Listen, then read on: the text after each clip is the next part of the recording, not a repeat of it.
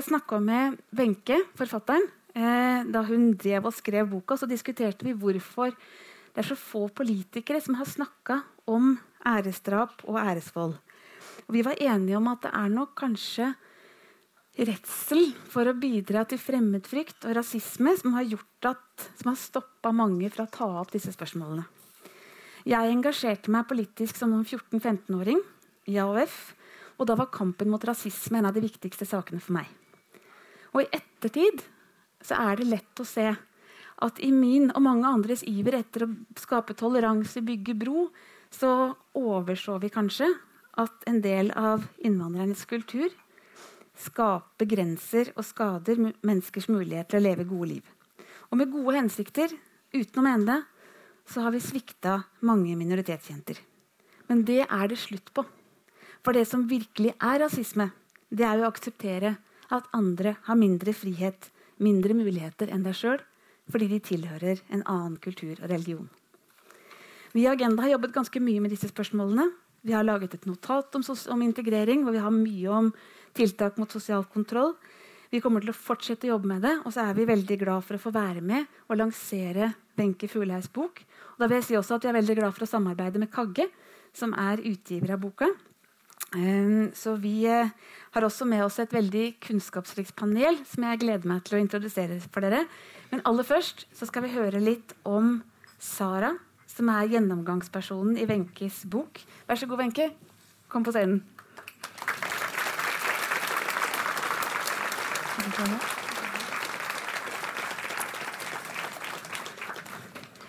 Ja, du har altså skrevet en bok, og det er i det er jo det er begge deler. Det er, både, det er jo om mange ting, men først og fremst så handler det om Sara. Eh, og jeg vil starte med å spørre deg eh, Hvem er Sara? Ja. Sara er en ung kvinne som nå er 26 år gammel. Hun kom til Norge fra Afghanistan i 1997. Da var hun bare seks med familien sin. Moren og faren og to eldre brødre. Mm. De flyktet fra Taliban, og som mange andre kom til Norge etter hvert.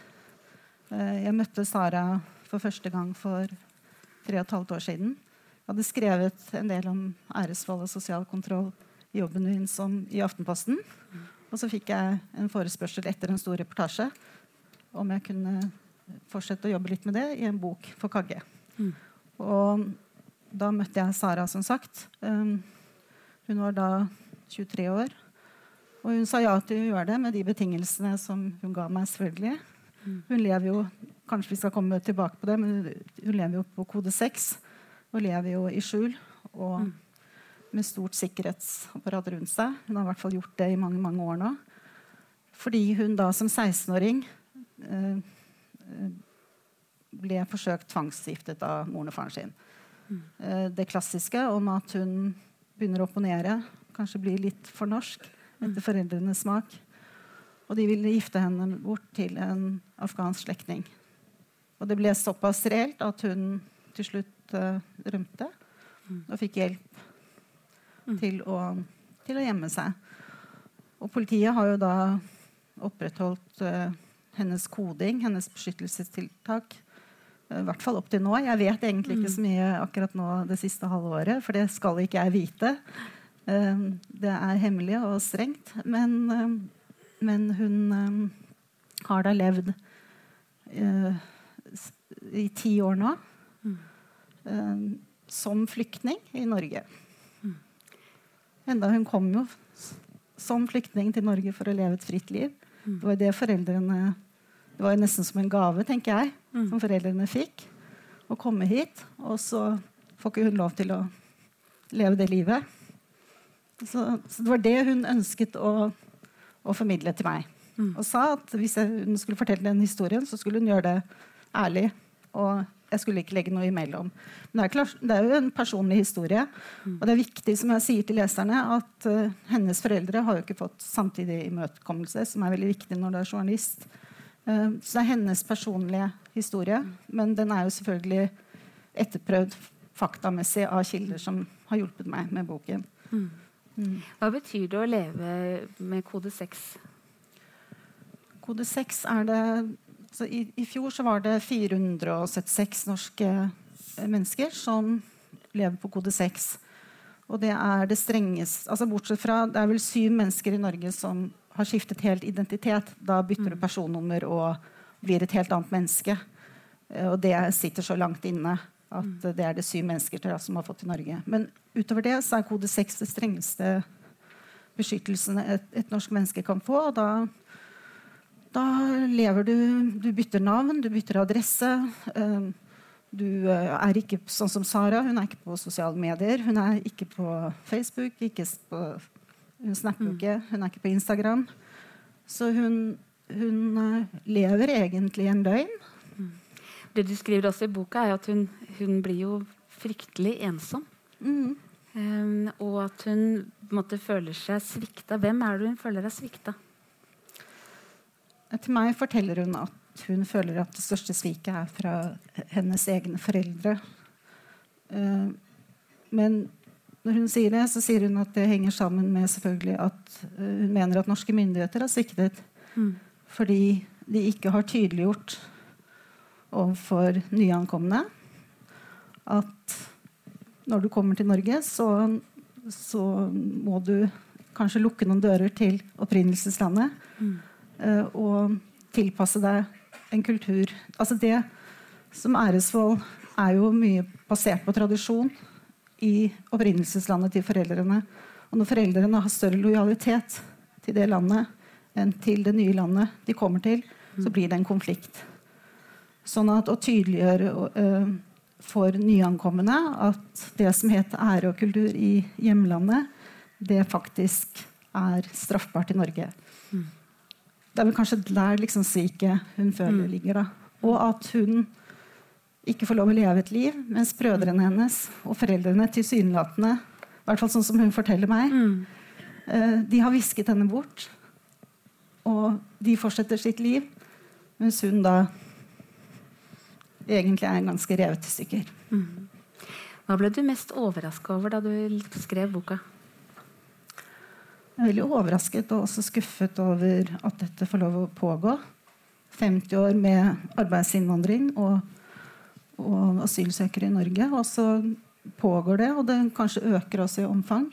Det har overrasket meg. Altså, man vet jo om det og har lest det, men i arbeidet med boken så syns jeg at eh, det har overrasket meg, mest. Og så er det jo også veldig mange andre ting som uh, altså Politikeren som du nevnte selv. Vi har jo snakket om, om, mm. om det litt. At uh, selv jeg, når jeg skrev boken, følte meg ofte slem. Og hvordan kan man er dette, Kan jeg skrive om det? Kan jeg bruke disse ordene? Vi er opptatt av ordenes betydning. Mm. Og jeg mener jo at det er oppsiktsvekkende at ikke det er helt tverrpolitisk enighet om at vold mot barn og vold i det hele tatt, uavhengig av alder, kjønn, etnisitet, det, det, det, det, kan man ikke akseptere. Så for meg er det litt sånn eh, at dette skal være noe egentlig vanskelig å snakke om. Det har overrasket meg. Men samtidig så har jeg også følt det vanskelig, spesielt når det kommer til mødrene. da. Mm. Eh, fordi de er ofre selv, og man har en idé om at mødre og kvinner de er jo ikke ondskapsfulle. I de, mange av disse sakene her så er de jo passive tilskuere til at dette får lov å skje. Mm. Og ja, det overrasker meg mm. fortsatt, selv om jeg har skrevet boken. Ja. Er det lettere å snakke om disse tingene nå enn det var for kanskje ti år siden?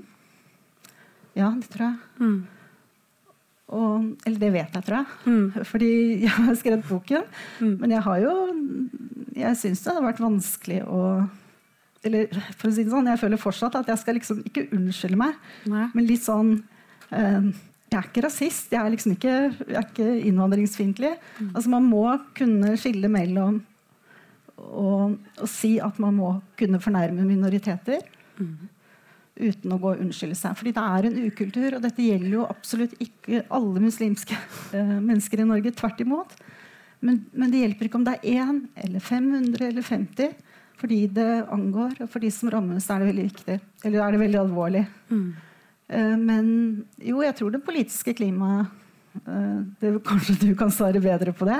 Uh, jeg syns jo kanskje at det er på tide å, å snakke helt Altså bruke de ordene dette handler om. Og det er jo at det er straffbare handlinger. Det er overgrep mot spesielt jenter. Og det kan man ikke akseptere. Har du vært noe bekymra for mottakelsen av boka? Hva sa du? Har du vært noe bekymra for mottakelsen av boka?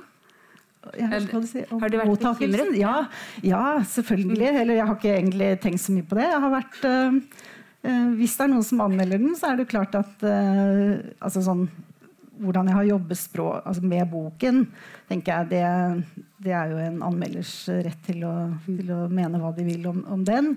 Og det vil sikkert være veldig mange som misliker kanskje ordene jeg bruker, hvordan jeg har vinklet kanskje noen av historiene. Eller, men Saras historie er sann.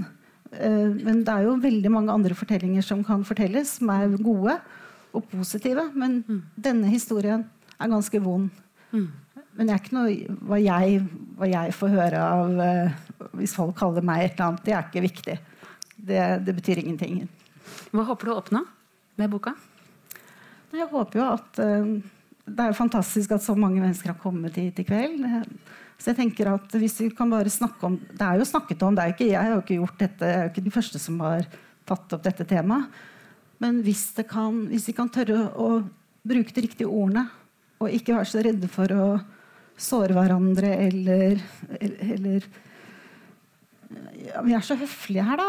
Altså, vi er, veldig, altså, nordmenn er veldig høflige. Det er sikkert veldig mange som er rasister og er sånn og sånn, men de fleste mennesker i Norge er liksom, vi vil jo leve i fred med hverandre. Men jeg tenker at eh, den, jeg syns at norske myndigheter må være mye mer tydelige. Altså, jeg tror utydelighet det skaper veldig usikkerhet. Jeg tror Hvis nyankomne kommer til Norge og blir møtt med tydelighet, eh, så tror jeg Jeg tror ikke det er så veldig hokus pokus.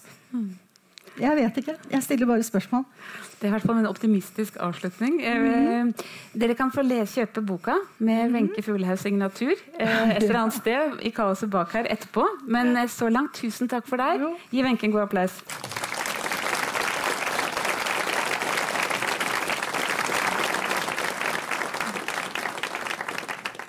Da har jeg gleden av å ønske panelet velkommen. Hvis dere kan komme og sette dere, her oppe, så skal jeg presentere dere. Her har vi med oss, kan starte ytterst, Monica Lindbekk. Hun er bistandsadvokat og har jobba mye for jenter og kvinner som har vært utsatt for æresvold. eh, Og også vært involvert i saker med æresdrap. Eh, Vi har med oss Sharam Shagani. Han er lege, psykiater og blogger. Sikkert mange av dere som har lest bloggen hans.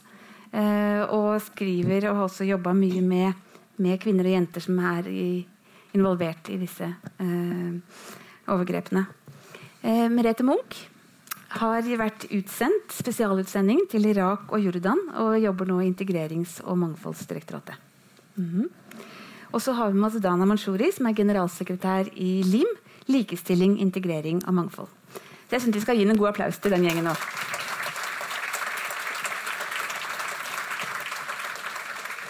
Vi er veldig glad for å ha dere her, alle sammen. Um, og vi skal starte da med å snakke litt om æresdrap, æresvold.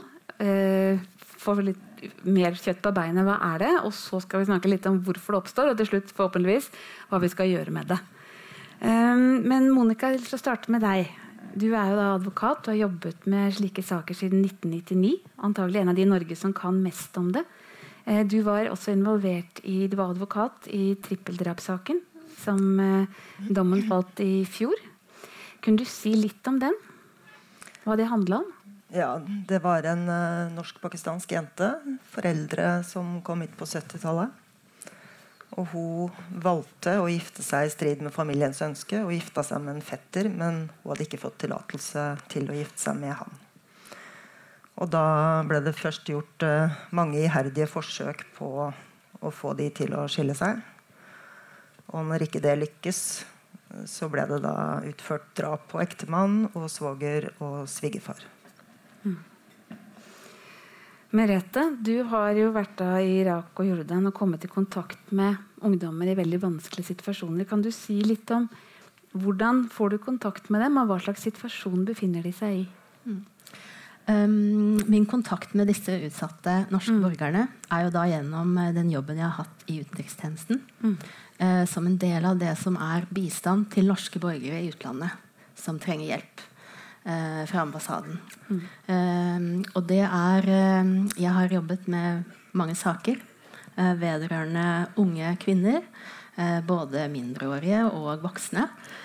som da ber om hjelp fra ambassaden. Gjerne via et tjenesteapparat i Norge. De tar gjerne kontakt med venner eller tidligere lærere tar kontakt med barnevern, politi i Norge, og sånn kommer da sakene til utenrikstjenesten. Mm. Uh, uh, den kontakten som uh, Når jeg er i kontakt med dem, så er det komplisert. Fordi da befinner de seg i en svært prekær nødsituasjon. Hvor konflikten i familien har eskalert. De er blitt etterlatt, truet med å, å bli tvangsgiftet eller allerede tvangsgiftet. Eh, mange av dem er blitt fratatt eh, pass, penger, alt, alle dokumenter og befinner seg eh, altså utsatt for frihetsberøvelse. Da. Eh, mange av dem er eh, lukket inne og låst inne i familienes hus i eh, opprinnelseslandet. I landsbyen der de opprinnelig kommer fra. Um, så det er rop om hjelp eh, under svært vanskelige forhold fordi de er så kontrollert og eh, komplisert å hjelpe mm. dem. Mm. Hva kan dere gjøre egentlig fra utenrikstjenestens side? Eh, vi kan tilby dem det som da heter konsulær bistand i noen tilfeller. Men det er eh, veldig viktig eh, To veldig viktige ting. Det er en forestilling i Norge både blant nordmenn generelt, mm. eh, og også faktisk blant tjenesteapparatet i Norge, politi, barnevern, skole og andre, om at er du norsk statsborger, så er det egentlig bare å vifte med et norsk pass der ute. Eh, og så kommer vi og redder deg ut tilbake igjen til Norge. Mm. Og sånn er det selvsagt ikke. Fordi eh, For det første så er norske myndigheters handlingsrom i utlandet begrenset fordi vi må forholde oss til eh, vertslandets lover og regler. Eh, som ofte er også svært forskjellig fra det regelverket og det lovverket vi har her. selvfølgelig. Eh, det er det som er utgangspunktet. Og så er det i tillegg at disse sakene ofte oppstår eller skjer i land der norske myndigheter har reiseråd. Eh, og reiseråd eh, det er forskjellige nivåer på det. Men i land som f.eks. Irak da, så har norske myndigheter så fraråder norske myndigheter alle norske borgere å oppholde seg der. Så du har verken reise dit eller oppholde deg der. Og er du der, så bør du forlate landet umiddelbart. Mm. Så strengt er det. Og det er jo pga. Um, risikosituasjon, sikkerhetssituasjon, at det er krigslignende tilstander. Og mange av disse stedene har vi jo heller ikke eh, diplomatisk representasjon. Sånn at vi sitter i et naboland eh, og skal håndtere saker um, ja, i nabolandet. Så det er eh, veldig vanskelig. Mm. Eh, Sharam, du har jo behandlet mange kvinner og jenter som, liksom, som psykiater som har vært utsatt for æresvold, og som er, er engstelige. Kan du si litt om hva slags, eh, altså hva slags situasjon dine pasienter er i? Mm. Ja, altså jeg har uh, jobbet klinisk med den gruppen, ikke sant? så det er der jeg har min erfaring. Uh, jeg, jeg, kan dele de i tre grupper, egentlig. Det jeg ser. Det er de som har direkte vært utsatt for uh, fysisk eller psykisk vold. Som har enten klart å komme seg ut, eller har det vært så uutholdelig at de er blitt reddet eller har kommet på en eller annen måte fra ute. Det er den gruppen. Og så har jeg sett mennesker som har bøyet seg for dette. Fordi de tør ikke. De tør ikke å gå ut på det. Og det kan de snakke med meg om, og det er mange ting de må tenke over og tenke på. Alt fra følelsesmessig tilknytningen de har til sine foreldre. For de er jo glad i sine foreldre. Og de har jo opplevd også ofte kjærlighet av disse foreldre. Så det er jo det som gjør saken enda mer kompleks. Vi sitter og kanskje tenker på at disse foreldrene er ondskapsfulle, så, men sånn er jo ikke mennesket. Mennesket er komplisert. Så de sitter ofte med en svær konflikt. Og så har jeg den tredje gruppen som egentlig de ikke vet at de er i en slik kultur. Det er ikke blitt klart for dem ennå at dette her er ugreit. Dette er sånn det skal være. Sånn ser jeg på det. Og, og de tre har litt forskjellige forløp, klinisk sett. da. F.eks. de som har vært utsatt for direkte vold, traume, de har ofte det vi kaller for PTSD, også posttraumatisk stresslidelse. Det er veldig vanlig å se. Men de som kanskje hører til andre og tredje gruppen, har mer kanskje psykosomatiske tilstander med smerteproblematikk som ikke har blitt bearbeidet. Det er egentlig psykologiske årsaker til det. Eller depresjoner eller angst. Mm. Mm. For du jobber jo en del for Nav, og du sier at dette får også store økonomiske konsekvenser. I tillegg til at, måte, jentene har det fælt, så, så fører det til at de også ikke kan jobbe. Ja, det, det har mange konsekvenser. Mm. Altså, det er jo det individuelle konsekvenser som er jo selvfølgelig helt tragisk. Også, mm. Vi vet jo egentlig ikke hvor mange det, det, er, det er snakk om, men jeg tenker én er for mange. Mm. Uh, og så har vi jo det samfunnsmessige. Uh, her, og, og, jeg vil jo også si så Hvis noen er bekymret for rasisme her, mm. så er jo akkurat å ta opp disse temaene, og spesielt de som kommer fra minoritetsgrupper mm. Å ta opp disse temaene er jo en måte å bekjempe rasisme. Mm. Og da kan jeg jo berolige de. det er bra. Ja, men jeg er veldig, veldig enig i det. Uh, Dana, uh, du jobber jo på heltid for å få til integrering og likestilling. Um, men også i din jobb så blir du jo oppsøkt av unge jenter, uh, eller voksne kvinner også, som, som sitter i, i, slike situasjoner. Kan du også fortelle litt om det? Uh, ja. Først og fremst vil jeg si Det er jo ikke en del av min jobb. Men det er klart når du får den telefonen at uh, min far har oppdaga at jeg har kjæreste, nå tør jeg ikke å gå hjem, så kan mm. du ikke legge på.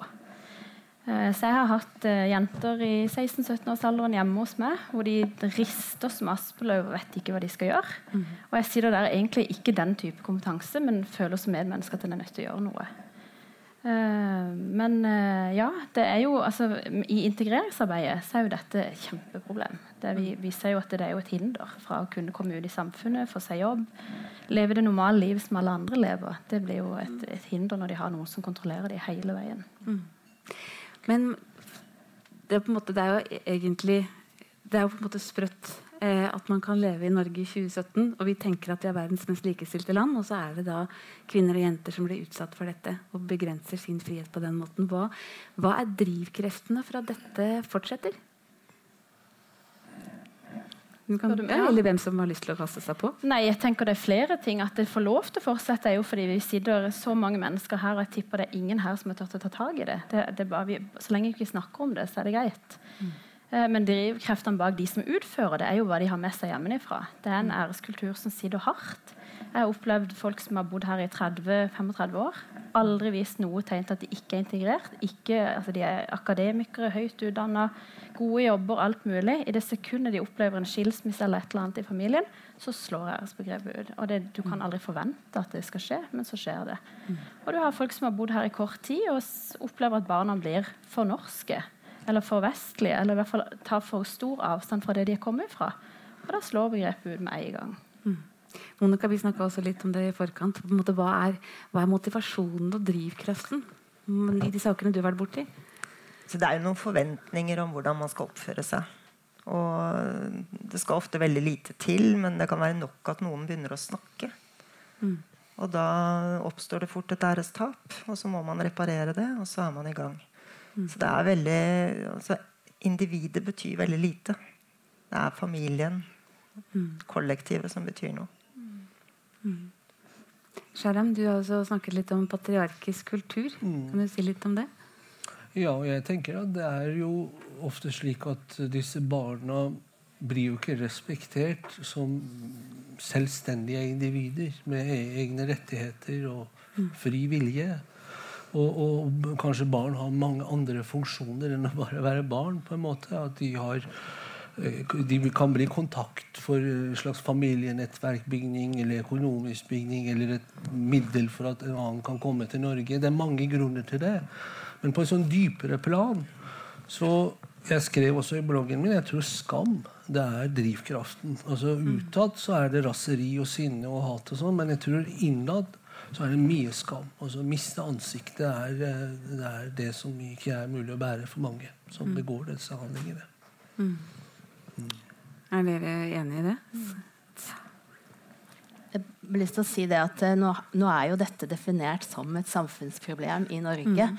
Og eh, norske myndigheter eh, tar jo tak i dette og har mm. gjort det gjennom mange år nå. Mm. Eh, og den jobben jeg har hatt, mm. og mange med meg, som jobber både innen politi, barnevern og ulike deler av apparatet, tar jo dette nå inn over seg på en helt annen mm. måte enn tidligere, hvor jeg tror eh, vi hadde ganske mye eh, berøringsangst. Mm. Eh, nettopp av frykt for å tråkke noen på tærne, eller fordi vi ikke helt var litt redd for å gå inn i dette fordi det er så komplisert. Det har med kultur å gjøre, det har med ære og skam å gjøre. Dette her har vi ikke kompetanse til å gå inn i. Mens egentlig så handler jo dette om vold i nære relasjoner mm. og vold mot barn. Og om de er minoritetsbarn eller etnisk norske eller hva de er, så er vold vold. Mm. Uh, og det, det, er jo noe vi ikke kan akseptere uansett. Så, så jeg tenker at, at uh, ja, vi har en vei å gå i Norge mm. uh, med å bygge opp vårt apparat og bli flinkere til å se dette og tørre å ta tak i det. Men vi, vi har gått en vei også. Mm. Eh, og det gjøres mye bra arbeid. Eh, både for å forebygge at eh, mange av disse mm. eh, historiene ender som kompliserte eh, saker i utlandet. Og eh, for å forebygge at det overhodet liksom mm. oppstår i Norge. Mm. En ting er jo på en måte det norske hjelpeapparatet og samfunnet, men, men det, er jo, det, er jo, en annen side her òg. Og det er jo de innvandrermiljøene hvor dette aksepteres. For det er jo når en familie går til et så drastisk angrep som å trakassere og utsette ungene sine for vold, eh, på en måte med en slags sånn begrunnelse i ære og skam, så er det jo for å innfri noen slags forventninger. Eh, og det vil jeg gjerne høre litt fra dere hva dere tenker rundt det. Hva, hva er på en måte drivkreftene i hvem, hvem, er det som forventer at dette skal gjøres? Altså jeg vil si at veldig ofte så er, Man må ikke glemme at mange av de foreldrene som da er innvandrere til Norge og har bodd mm. her i mange år, de eh, har jo ikke kuttet sine bånd til opprinnelseslandet eller til den store diasporaen mm. andre steder i verden. Og de kan jo også oppleve å stå under et sterkt press fra mm. storfamilien. Mm eh, om at sånn og sånn må vi gjøre det.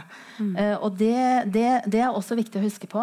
Mm. Eh, selv om det ikke unnskylder på noen måte mm. de overgrepene som foreldre gjør mot sine barn. Eh, så er det å forstå det, eh, det storfamiliekomplekset og også det presset som disse familiene her står eh, mm. under. Da. Har du sett det, det Monica, i din, din rolle? Ja, jeg er helt enig i det. Men jeg, jeg, tror også det er et annet problem. Og det er at uh, annen og tredje generasjon her i Norge ikke tar et oppgjør med kulturen. Jeg kan bare ta et eksempel, sånn som uh, min klient i trippeldrapssaken. Mm. Det ble jo mye debatt rundt den også i innvandrermiljøer. Da fikk jeg høre annen og tredje generasjons pakistanere som har høy utdannelse, som uh, de syntes det var litt galt at hun hadde anmeldt sine egne foreldre. da. Det gikk jo ikke an å gjøre det. Og det er klart at Hvis den type holdninger lever i mm. beste velgående blant de som er født og oppvokst og utdanna her, så er det jo der man må ta et oppgjør også. Mm. Dana? Jeg bare tenker Den Oppegård-saken som vi just opplevde, som var liksom litt av bakgrunnen for alt, alle disse demonstrasjonene vi så i ettertid, det var jo tross alt søsken som er vokst opp her, som har mm. norske verdier, som har Altså En ting er hva foreldrene gjør som har tatt med seg dette, men de på en måte indoktrinerer jo alt som er i deres nærvær. Mm. Og får liksom barn ned i 15-årsalderen til å være med på å prøve å forsøke å drepe sin egen søster. Da tenker jeg Det er et problem, og det er der på en måte skillet går for oss. at dette er ikke Uh, altså dette kan ikke sammenlignes med vold i nære relasjoner i forhold til partnervold, som vi opplever blant nordmenn. Eller at det er liksom en far som er sint, som tar ungen sin litt hardt. Dette, dette er grunnleggende. Dette har de tatt med seg. Dette ligger i ryggmargsrefleksen. At når æren er under trussel, mm. så fins det ikke noen vei utenom. Og det, De som har sett Iram Haq sin film, får et sånn snev av en følelse at faren har jo ikke lyst til å gjøre dette. Mm. Men han kommer ikke utenom. Det sitter to menn og liksom oppfordrer han til at her må du bare ta, og du må straffe henne så hardt at resten av samfunnet vårt ser at hun blir tatt. For dette kan smitte på de andre barna, de andre jentene i vårt samfunn. Så dette er en sånn kollektiv straff de driver med, som, som på en måte skal gi en smitteeffekt til alle andre jenter. Så det er litt annen mentalitet bak den, den vanlige, vanlige, volden vi opplever i Norge. Da. Så det tror jeg er viktig å ha skille der. Mm. Jeg har bare lyst til å si én ting til. i forhold til det, og det er jo Noe av det som gjør at det er så vanskelig å hjelpe disse gruppene også. Ikke sant? Fordi norske ungdommer som opplever familievold, de har ikke den bindinga til familien. De får støtte blant andre nordmenn. Mens eh, disse ungdommene her ofte ikke får det. De blir helt alene, og uten familie så er det ingenting. Mm. Eh, jeg må, fikk beskjed her eh, at altså, Vi ser jo at dette er Nå snakker vi om det her. Du, som du sier, Merete. Dette er, ikke, dette er ikke lenger noe man ikke snakker om. Myndighetene har begynt å ta tak i det, men vi har utrolig mye igjen å gjøre. Vi må gjøre mye mer for å avdekke hva som skjer. Straffeforfølge de som begår disse ugjerningene. Men enda viktigere er det å forebygge og hindre at det skjer. Og det skal vi snakke mye mer om. Men jeg vil i første omgang takke panelet for eh, samtalen så langt. Jeg håper dere videre med god applaus.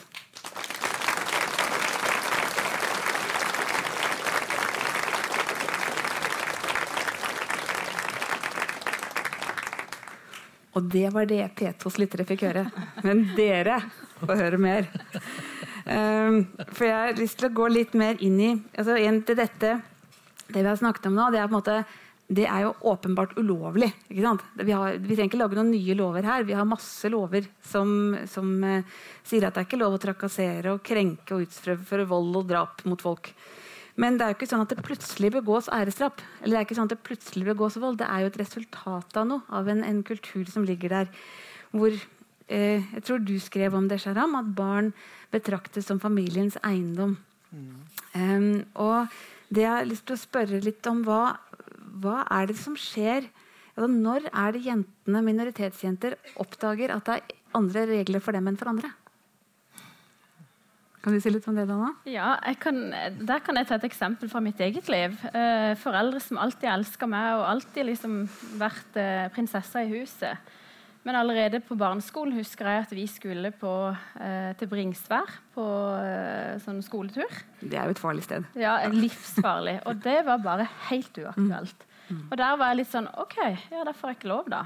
Men i ettertid så begynner jeg å tenke, så har jeg liksom prøvd å nøste opp i dette. hva var greit, For det, det fulgte jo opp. ikke sant, Håndballkamper, jo, Du kunne spille kamper som var i lokalmiljøet, men måtte du ut, så kunne du ikke det. Og Da skjønte jeg jo fort at det gikk på en sånn kontrollelement i det. Bursdager. Ja, men Vil du ikke heller ha pengene sjøl, så slipper du å gå i bursdag? Jeg tenkte, jo, fristende det som åtteåring å få 50-lappen i hånda, mm. men etter, etter, hvert så skjønner du mm. Jeg vil jo egentlig på den bursdagen. Så for mm. meg så begynte kontrollen ganske tidlig. Eh, det er klart Jeg var rebelsk og gjorde oppgjør og fikk mye pepper for det. Mm. Eh, men, men, jeg tror det begynner tidlig, og jeg må på en måte se varsellampene tidlig. Eh, nest siste stopp er jo på en måte æresdrap. da. Mm. Og det, det, er mange ting som skjer før den tid. Mm. Merete, vi snakket om eh, at det er ikke, de, de, som ender, de jentene som ender i Irak eller Jordan, det er ikke, det er ikke helt tilfeldig hvem det er. Kan du si litt om det? Ja. Eh, eh, eh vår erfaring fra ambassadene er mm. at de som havner i den situasjonen, da er det eh, gått veldig langt, som jeg sa mm. innledningsvis. det er også et, et kjennetegn, hvis man kan kalle det det, at altså Disse sakene oppstår jo ikke i utlandet. De har en lang historie og en bakgrunn i Norge. Eh, eh, nesten alle, vil jeg si, eh, er tunge saker fra før. De er kjent av hjelpeapparatet fra før. Barnevernet har gjerne vært inne i disse familiene over flere år. Eh, med ulike tiltak som da eh, ikke har bidratt til å endre eh, noe som helst. Um, og det er også et kjennetegn at eh, eh, det er Vi snakker om familier som er hva man kan kalle det det marginaliserte familier. Dårlig integrerte familier der eh, vi kan ha eh, familier der foreldre har altså bodd i Norge i over 20 år. De er blitt norske statsborgere. De har levd et liv her, men de har altså aldri vært i arbeid. De har ikke lært seg norsk. De lever i en lukket verden. Og så mm. vokser barna opp her eh, selvfølgelig med noe helt annet. Og mm. det, det er vikt, hvorfor er det viktig å vite? Hvorfor, mm. det er jo fordi at det forteller oss at vi har et arbeid vi må gjøre her i Norge. På et tidlig tidspunkt for å fange opp dette. Um, jeg har jo møtt mange jenter som sier, etter at de har fått hjelp da, til å komme seg ut og tilbake til Norge, hvor de sier, og det er jo deres versjon eh, eh, Det var ingen som trodde på meg. Altså De sier at de har forsøkt å be om hjelp, men de har ikke blitt møtt. De har, de har ikke, altså Mange sier at de har bare blitt litt avfeid. Mm. med at dette må du liksom Det går seg vel til, eller Ja. Eh, og og det, det er en sånn eh, Det er selvfølgelig deres versjon, men det er sånn de opplever det. At de har forsøkt, men at det ikke har nyttet. Er det ting dere kjenner igjen? Ja. Si litt om det. Det har blitt uh, bedre. Men når jeg begynte å jobbe med det her i 99, Mm. så opplevde jeg veldig liten forståelse for problematikken. Mm. Ja, jeg kan, jeg kan snakke om en av de tilfellene som jeg hadde på min sofa. Eh, hvor vi da jeg fikk overbevist denne jenta til å ringe til politiet. da. Mm. Det var nå nylig, var det Det, ikke? det er ganske nylig. Mm. Hvor etter selvfølgelig mye overtalelse, og hun det er klart det var det som skjedde med USA, det er en emosjonell eh, lojalitetsspørsmål for dem. For du skal gi slipp på alt. I det sekund du har tatt den telefonen, så står du på bar bakke, helt alene. Du, ingen hjelp. Det er ingen som kan hjelpe deg å flytte, ingen som kan hjelpe deg med barna dine, ingen som kan si det står som kausjonist for deg. Altså, du, du er helt på scratch. Uh, så det er endelig når vi fikk liksom Men dette er på en måte livet ditt. Eller dette. Det, dette er ikke et valg. Du må. Så tar hun telefonen til politiet og med meg som vitne og sitter og hører. Og etter en lang diskusjon spør hun sier jeg vil ikke anmelde noen enda, men jeg vil gjerne snakke med noen. Nei, vi har ikke noen som kan hjelpe deg med å snakke. Enten må du komme inn med en anmeldelse, eller så får du ikke hjelp. Og etter enda mer diskusjon så blir det sånn Ja, men nå er det fredag, så du får ringe på mandag. Tenker jeg, hun har manna seg opp i fire timer for å ta den telefonen. Og så må du ringe hjem på mandag. Så det er klart systemet svikter. Dette er Når først de tar den telefonen, så må beredskapsapparatet stå der. Er det erfaringer du har vært borti også? Ja, absolutt. Og så tenker jeg fra helsepersonells side så, så tror jeg du må ha kanskje litt eh, hva skal vi kalle det, kulturell kompetanse. Eh, jeg kan bare gi deg et eksempel for at du ser hvordan man kan jobbe med dette. Da. Jeg hadde for ikke så lenge siden en kvinne som, som fortalte etter hvert at hvis hun da går ut og anmelder, så er dette mot Gud. Mot Allah. Og da tok jeg en samtale. altså Da stoppa jeg den psykiaterrollen min. Og så, og så ble det en samtale om Gud og Gudens natur, og hvordan hun har fått med seg at det er sånn Gud er. Og det var viktig for at hun kan gå videre for å gjøre noe med dette. Så, så du må ha kanskje litt Jeg tenker å bruke mm, minoritetsmennesker som har også kompetanse nå i dette her, kulturelle, som også har norsk utdanning, jobber i helsevesenet. Og jeg er jo blitt mer og mer opptatt av behandlingstilbudet. Hva får de av oppfølging, disse kvinnene? Det opplever jeg ikke er optimalt. Det opplever jeg er magert. Som, som Asal sa, det er, det er, det er um, De står helt alene ofte. Altså, vi må huske på dette. Altså, de går fra sitt nettverk, men hva skal de gå til? Av og til så har de ikke noe nettverk å gå til. Og da, da er de jo av og til helt avhengig av et behandlingsapparat eller et nettverk som kan ta vare på det. Og Det er jo også en av grunnene til at mange av disse unge kvinnene ikke klarer å stå i dette. Ikke sant? At mange av Vi ser da at, eh, at eh, de ber om hjelp, får hjelp, men etter en tid så blir det altså Det er som å velge mellom pest eller kolera. Ikke sant? Eh, Du kan velge å bryte med familien din og så leve isolert fra dem. Eller du kan velge å innordne deg. Og For mange så er det et valg mellom pest eller kolera. Og det, det, det er eh, Mm. Og vi vet fra, sant, fra incestsaker så vet vi at mange barn vil velge å være lojale mot sine foreldre. Det er vanskelig å bryte lojaliteten mot foreldre. Og som jeg sa, veldig mange av disse foreldrene har jo vært kjærlige. De har vært omsorgsfulle. De vil ha det beste for sine barn. Men her misforstår de jo det fullstendig. De ødelegger jo fullstendig. Men den emosjonelle tilknytningen er jo der fortsatt. Så det er ikke bare bare å liksom bare bryte det. Og, Så det krever masse støtte. Men hva dere som, altså alle dere fire er jo blant de her i landet som, som skjønner, liksom kan mest om dette. Hva, hva skal vi gjøre? Hva er de gode løsningene? Så hvis vi tar først, liksom, Hva gjør vi med, med de som faktisk er i den situasjonen nå? Hva burde vi Hvis vi skulle gått inn i, i morgen og endret norsk politikk, hva var det viktigste vi skulle gjort da? Altså, det er veldig viktig, tror jeg, at vi må, eh, eh vi, må, eh, vi må, følge opp disse sakene, ikke slippe disse familiene. Mm. Eh, eh selv i de sakene hvor det har gått så langt eh, at, at, at, personen må bryte ut. det er viktig at politiet følger opp disse sakene, at de etterforskes, og at man ikke bare er opptatt av beskyttelsen av, av disse utsatte, men mm. faktisk gjør en jobb med å kartlegge hva det er som foregår i ikke bare, altså også i storfamilien. Og det er klart det er ressurskrevende. Mm. Men uh, akkurat det er nok litt lettere sagt enn gjort. fordi ja. det som er min erfaring uh, med veldig veldig mange jenter som har uh, vært utsatt for æresrelatert vold, og som har stått i fare for og også blitt tvangsgifta, det er jo at de ønsker ikke å anmelde. Og hvis de anmelder, så ønsker de ikke å stå i det. For de ønsker på sikt en forsoning med familien. Og da er denne straffesaken til hinder for det. Og det er jo også grunnen til at veldig mange av disse sakene blir henlagt selv om de kunne ha blitt iretteført. Mm. Det er tilstrekkelig med bevis, men man velger å henlegge fordi det er det ungdommen ønsker. Men, og det totalt sett vil gi den beste løsningen. Og men, Da kan man komme i en situasjon? Skal man trumfe det igjennom av politiske grunner, eller skal man ta hensyn til det mennesket det faktisk gjelder? Det er et veldig vanskelig valg. Ja, eh, jeg ser det.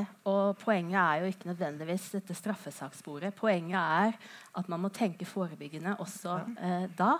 Ikke sant? Eh, at vi faktisk, og det har litt med tydelighet mm. å gjøre, mm. at vi faktisk Nei, vi ser dette. Dette er ikke akseptabelt i Norge. Eh, dette må vi forfølge og undersøke. Hva, og mm. dette tar vi på alvor. Mm. Eh, og det tror jeg har en, en, en preventiv eh, effekt. For det er noe som, det, som Benke Fuglev også skriver i boka. At uh, det oppleves så ufattelig urettferdig at det er Sara som må gjemme seg. Det er Sara som lever som fange, mens familien som har utsatt henne for vold, lever akkurat som før. Så det er en, Hvem er det egentlig som skal bære kostnaden? Dana? Ja, jeg tenker litt i sånn norsk perspektiv, for at kanskje den uh, mannen på gata forstår det. Det er Hvis en etnisk norsk dame blir utsatt for vold fra sin partner, så er, i beste fall så blir han selvfølgelig tatt. Hvis han ikke blir tatt, så blir du skodd med en voldsalarm. Og hvem er det som egentlig mister friheten? Han går jo fri, og, kan, og så må du ha alarmen i tilfelle du er redd. så må du trykke. Mm. Og det er akkurat samme er det i dette perspektivet. Sara må leve på kode 6. Sara har ikke et liv. Det kalles et liv, men det er jo ikke et verdig liv. Du, du kan ikke, Som 26-åring så kan du ikke være på sosiale medier. Altså det, det, er ikke et godt nok liv. Og da tenker jeg det, det valget de skal ta med å bryte ut, må på en måte være bærekraftig i forhold til det livet de hadde før. Og jeg tenker Det er jo der myndighetene må inn og ta den posisjonen i forhold til at det de mister av famili altså familiære forhold, det må myndighetene bygge opp for det. Om det er å stille, altså om de skal ha egne, altså praktisk ha egne lån, sånn at disse jentene kan faktisk kjøpe seg en leilighet uten å være avhengig av kausjonist mm. som ønsker de død. Altså det, det, må være Når du bryr deg, så bryr du. Og da må du ha et nettverk som bygger deg opp der. Og det er der jeg mener politikerne svikter. Mm. Men hvis vi går til den, måte, det som skal skje før, altså når vi skal hindre at, at jenter eh, og også noen gutter kommer i disse situasjonene, hva er de viktigste tiltakene da? Vi snakka litt om det med måte, hva gjør vi når, når folk kommer til Norge? Jeg tenker jo Det er veldig veldig viktig å bli informert om hva slags kultur man kommer til, og hvilke krav vi stiller, og hva konsekvensene er av å videreføre den kulturen de kommer fra. Men i tillegg så mener jo jeg at Og det er jo sikkert mange som er uenig i. Jeg mener at familieinnvandringspolitikken må endres. At det å innføre et krav om bosetting i det landet hvor man har lengst samla botid, det vil føre til at man ikke henter fettere fra Pakistan med fem års skolegang når man kanskje går på universitetet her. Og som jeg tviler på er et veldig vellykka kjærlighetsekteskap. Så jeg tror at det, det er veien å gå. Og da, da vil man få gi disse personene mulighet til å gifte seg med andre som har samme tokulturelle bakgrunn fra Europa. Hvis det er det de ønsker. Mm. Det er jo et, et, et eh, innvandrings- og familiegjenforeningspolitikken. Og så I tillegg så har vi jo de som kommer som flyktninger. Eh, hva, hva, gjør vi når folk kommer Eh, nå er det ikke så mange som kommer lenger, men det er jo sånn som kommer til å gå litt opp og ned. Har dere noen tanker om det? Ja, jeg tenker at det er ikke noe altså Vi kan ikke begynne tidlig nok å fortelle dem hvorfor de er kommet til Norge. Du er kommet til Norge for å få en frihet. Da kan du ikke frarøve friheten til dine egne barn. Det er liksom, da mister du For min del så mister du oppholdsgrunnlaget ditt. Uh, og, og gjør det klinkende klart at prøver du å frarøve noen andres frihet, så får vedkommende bli. Men det kan være at du blir hevet ut. For dette, da, er jo, da, er jo, ikke du noe bedre enn den regimen du kom ifra. Så være litt kynisk og si at her får du en gode. Frihet, likestilling, dette er det vi har i Norge. Ønsker du å leve etter dette, så kan du bli. Ønsker du ikke, så vet du hvor du kommer fra. Hvor dette, og da, da, er jeg liksom veldig kynisk. Men det er klart det er på bekostning av disse jentene. De, nå er Sara blitt flyktning for andre gang i Norge, og det kan vi ikke akseptere. Hva tenker du, Merete? Mm, ja, jeg er enig i mye som sies. Men jeg tror også at det er viktig at vi begynner um, tidlig. Og at uh, holdningsskapende arbeid og tiltak kan begynne i barnehagen uh, med foreldrene der. Altså at vi må begynne fra dag én. Uh, og, det, og det, det, bør vi være rustet til å gjøre nå. Mm. sånn at ikke det samme skjer med de flyktninggruppene som nå er i ferd med å integrere seg i Norge som kommer fra de samme områdene eh, i verden hvor vi har disse vanskelige sakene med norske borgere som sendes tilbake. Så ja, vi må, Og det er et vanskelig og tidkrevende arbeid. Eh, men, men, det er et arbeid vi må ta. Um, og tydelighet er viktig. Det er også viktig å gi uh, foreldre uh, eh, alternativer. Ikke sant? Vi har veldig mange gode, gode programmer i Norge som skal ivareta det. I forhold til veiledning, i forhold til foreldrerollen, i forhold til uh, hva det vil si å oppdra et barn, hvordan vi gjør det her, hva som er alternativene for å bruke vold og den type ting. Mm. Hva tenker du, Shara? Nei, jeg tenker at det, det, er For meg da, så er dette et av ansiktene til problemet med integrering. Mm. Altså, dette er ett et, et, symptom på noe dypere, sånn som jeg ser det. Så jeg er jo veldig for uh, integreringstiltak. Språk, komme ut av samfunnet. Men også dette med at dette fenomenet får sitt eget navn. Det blir diskutert. Boken til Wenche er jo kjempeviktig, fordi da mm. kommer dette her mer frem. Politikerne for så vidt mm. forhåpentligvis kommer mer på bane. Og det må være en tverrpolitisk enighet om at dette her handler ikke om fremmedfrykt og rasisme. Dette er om menneskeverd. Mm. Altså Sånne type ting tror jeg er ekstremt viktige. Jeg bare tenker at dette har vært, når det begynte å bli snakk om dette, så var det veldig et sånt pakistansk fenomen. Nå har vi utvida begrepet og tenker at nei, dette kan skje egentlig alle minoritetsgrupper. Men jeg vil faktisk trekke det hakket videre og si at det kan skje hvilken som helst av deres døtre. For det er klart disse guttene med denne kulturen mm. gifter seg med norske jenter. Og det er ikke sånn at i det sekundet de har gifta seg med norske jenter, så tar de av seg æreskappa. Den tar de med seg. Og dette blir dette her kommer til å bli et, et, et norgesproblem. Og vi må på en mm. måte, vi må tørre å ta det. Mm. Og si at det, dette er ikke noe sånn ja, ja, men det er jo sitt lite problem. Nei, det kan ramme hvem som helst av oss. Og da, da tenker jeg politikere må våkne og skjønne at det, dette skjer nå. Og så er det også en annen ting som er viktig å si, og det er at dette rammer ikke bare jenter. Mm. Dette rammer også gutter. Mm. Eh, og det er, har vært et litt sånn skjult, underkommunisert problem i mange år. Eh, men de er også faktisk utsatt. Eh, men de kan jo både være overgripere og utsatt på samme tid, fordi de får i oppdrag å kontrollere sine søstre og kusiner osv. Samtidig som de selv det forventes at de skal finne seg, hente en kone fra eh, sånn og sånn opprinnelsesland når den tid kommer.